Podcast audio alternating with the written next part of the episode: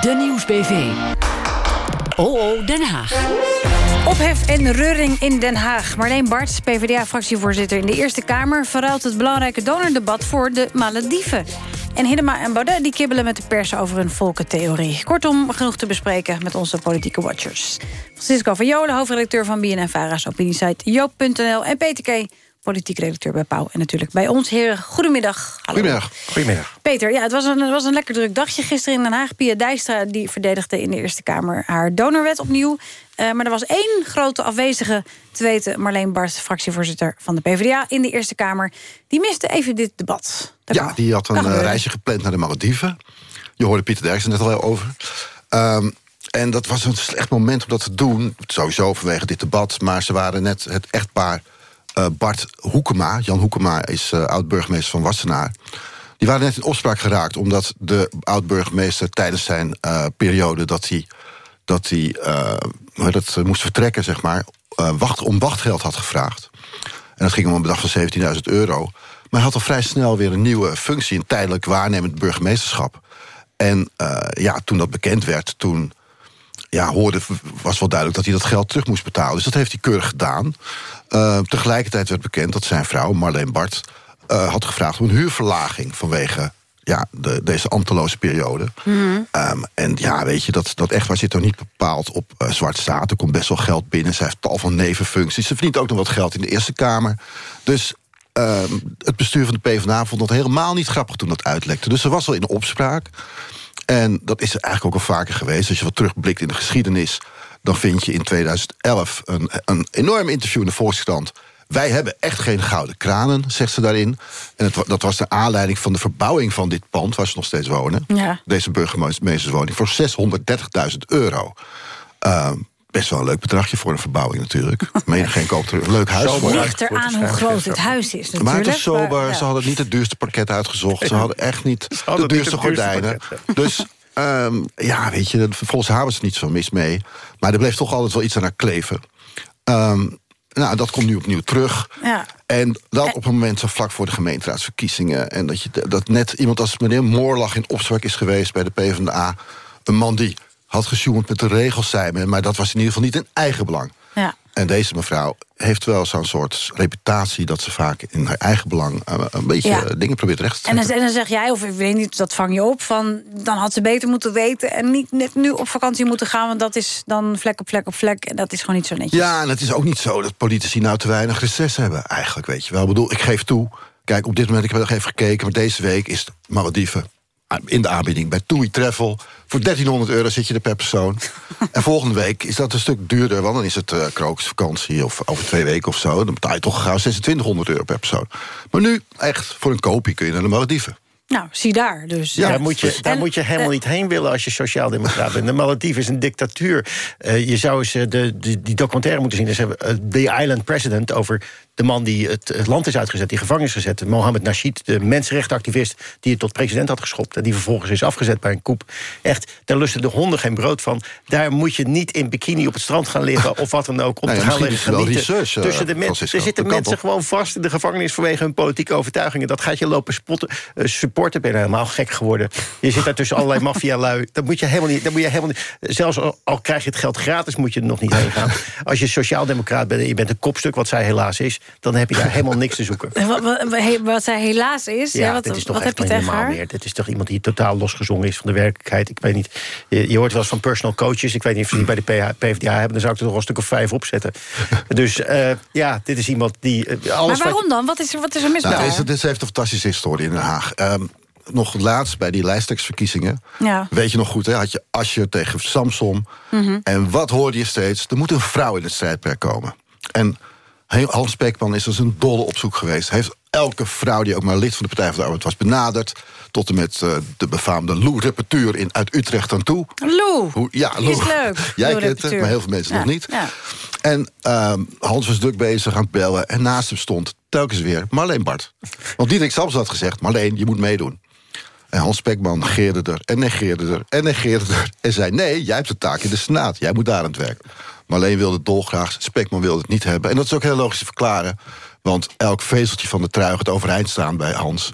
Zodra maar alleen in de buurt komt. Maar is er nou, is er, nou- nee, maar soberheid goed, tegenover. is er nou alleen maar onhandig met dit soort dingen? Want Het is maar hoe je het kwalificeert. Nee, het is maar of, of de- gaat het, is er ook politiek gezien? In de Eerste Kamer ze politiek ook... handig allemaal. Nee, goed, het is absoluut onhandig. En misschien is het wel wat verder dan dat, maar... Nee, in de Eerste Kamer heeft ze ook tal van brokken gemaakt. Want de- bijvoorbeeld er was de mogelijkheid om een PvdA-voorzitter te krijgen van de Eerste Kamer.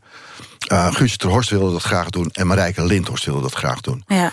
Als ze een van die twee hadden gekozen, dan voer je regie. Dan zeg je, ik ben de fractieleider en ik vind dat Guusje het moet worden. En als ze dat hadden gedaan, dan was een PvdA-voorzitter gekomen. Dat gebeurde niet.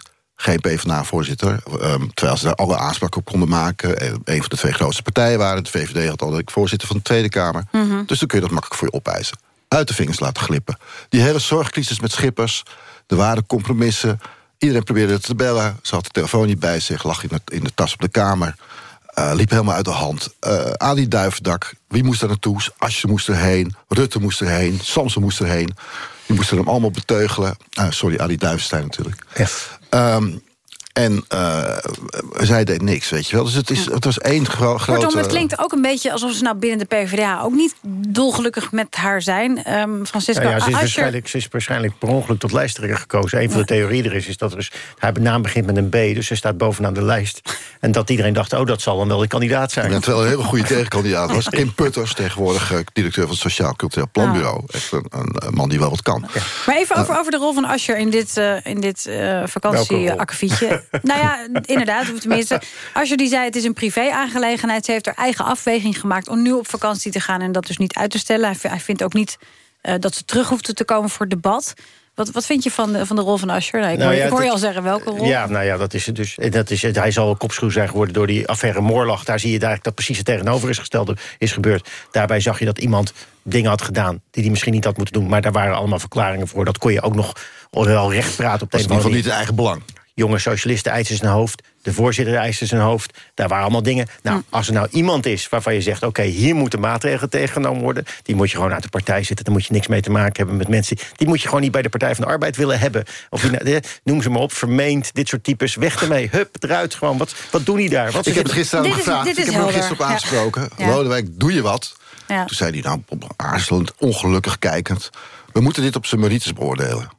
Ik denk dat dat een fout is. Ik denk dat als je ziet hoe andere partijen nu aan het spinnen zijn... kunnen we het zo even over hebben, D66, Forum voor Dem Democratie... als je moet nu zeggen, hup, ik kukel jou de partij uit... Hm. en dan heeft hij zich op een keer, een keer op een leuke manier de aandacht... van dan blijkt hij een, een, een streng man te zijn die recht in de leer is. Zo kan hij het nog redden. Hij kan zeggen van ik heb gewacht tot ze terug is. Want ja. het is een beetje uh, ongepast om iemand die in de dictatuur op vakantie gaat... uit de partij te zetten. dus uh, ik heb gewacht tot ze terug was. Want je weet nooit, misschien wordt ze anders zelf in de gevangenis gegooid daar. Hè, tussen, tussen, tussen de andere sociaaldemocraten. En uh, dus dat kan gebeuren als je daarheen gaat. Dus als je, je kan je voorstellen dat als je zegt van... oké, okay, dat doe ik dus niet, dus ik doe er nu niks mee... en ik wacht tot ze terug is. Maar ik verwacht dat hier toch wel actie op ondernomen. Want het naar de sodomieter helpen van de partij... tijdens de gemeenteraadsverkiezingen is geen privé kwestie. Punt. Goed, even het viel. Het forum. Gisteren, uh, nou ja, het ene drama na het andere zou je kunnen zeggen. Tenminste, het drama. Er was ophef en vertier in de Tweede Kamer. Volkentheorie van het Forum voor Democratie. Morgen trouwens hier bij ons een uitgebreide reconstructie over deze kwestie. Vandaar dat we het er nu niet, al te uitgebreid gaan over hebben. Peter, uh, Jesse Klaver vroeg een debat aan. Dat kwam er niet. Hoe was uiteindelijk de sfeer daar? Nou ja, de sfeer was, was bijzonder. Want, want voor het eerst in uh, tijden heb ik daar gezien dat de kluwen zich storten op, uh, op uh, Thierry Baudet en Hiddema... en niet op Wilders in eerste instantie. En dat was heel mooi. Ze kwamen tegelijk van twee kanten zo naar de, naar de zaal toe. De kluwe media en, en daar gingen al die dat hier vorige week voorspeld, uh, Peter. Ja, dat, dit, dat, dat proces in gang dat. Maar, maar nu is het dan definitief de, de gekomen... En, uh, hoe heet het, na de vergadering, na de plenaire vergadering... waarin dus dat debat van Klaver, die aanvraag van Klaver werd afgestemd... want de, de, hoe heet het, de regeringspartij voelde niet voor dat debat omdat ze zoiets hadden van, ja, god, komt uh, Klaver zich er een beetje in mengen... en er staat al een discriminatiedebat gepland over twee weken. Ach, al met al was dat gewoon, weet je, D66 had gewoon helemaal geen zin... om hem zijn kans te geven om ook een groot debat uh, hierover te voeren. D66 had gescoord, weet je wel. Maar goed, na die vergadering uh, waren Hiddema en, en Baudet een tijdje zoek... maar die kwamen toen uiteindelijk uit het ledenrestaurant samen... stonden daar zo met de rug tegen de, tegen de glazen aan. Ja. De hele pers eromheen één kluwe. En die hebben wel 25 minuten daar een, een persconferentie staan geven.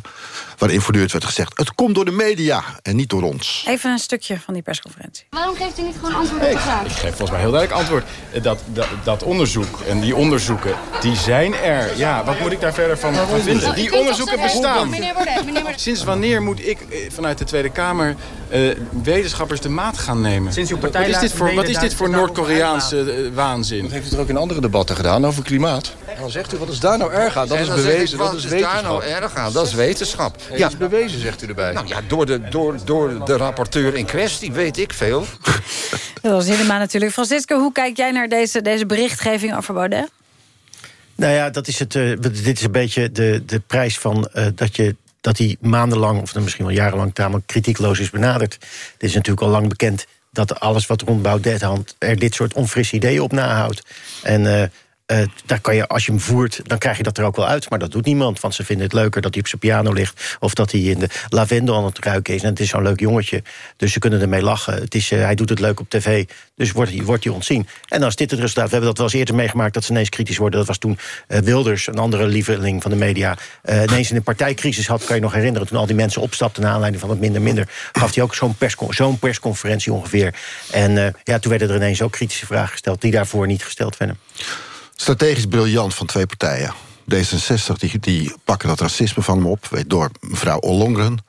Eh, weet, weet daarmee dat ze enorm veel aandacht gaan creëren. Ook voor hem. Maar je moet het zien in het kader van de slag om Amsterdam. Ik bedoel, D66 staat er niet fantastisch voor in de gemeenteraadsverkiezingen. Daar is daar de, de, de, de leidende partij, de grootste partij. Willen die positie natuurlijk vasthouden. Vestigen alle aandacht op, eh, op Baudet, doelbewust. Want je zegt hij is gevaarlijker dan Wilders. Hij is racist, suggereren ze. Oké, dan, eh, dan weet je dat er een rel ontstaat. Forum voor Democratie maakt er dankbaar gebruik Komt van. hem mooi in. Briljant spel van een Ja, maar aantal dat, ze zeggen niet hij is racist, ze zeggen hij verkondigt racistische ideeën. En het gaat natuurlijk, je kan overal een spelletje van maken, maar het gaat wel over, over iets vrij essentieels natuurlijk. Je had toch niet gedacht dat er ooit nog in Nederland een serieus debat zou gevoerd gaan worden over racistische ideeën in de Tweede Kamer? Of dat er pa- partijen uit zouden komen die dan het ook nog zo- zogenaamd goed zouden doen met hun twee zeteltjes. eh, eh, dat die dit soort ideeën verkondigen, dat zou je toch niet willen? Het is een internationaal truc, dat weet je toch? Ik bedoel, die, die Ja, is- FVE ja, doet precies maar je kan hetzelfde. Heren, De- wij praten hier de morgen ook. verder over. Allemaal, Ja? allemaal flirten met racisme, maar dan zeggen... ik ben geen racist. BNN Vara.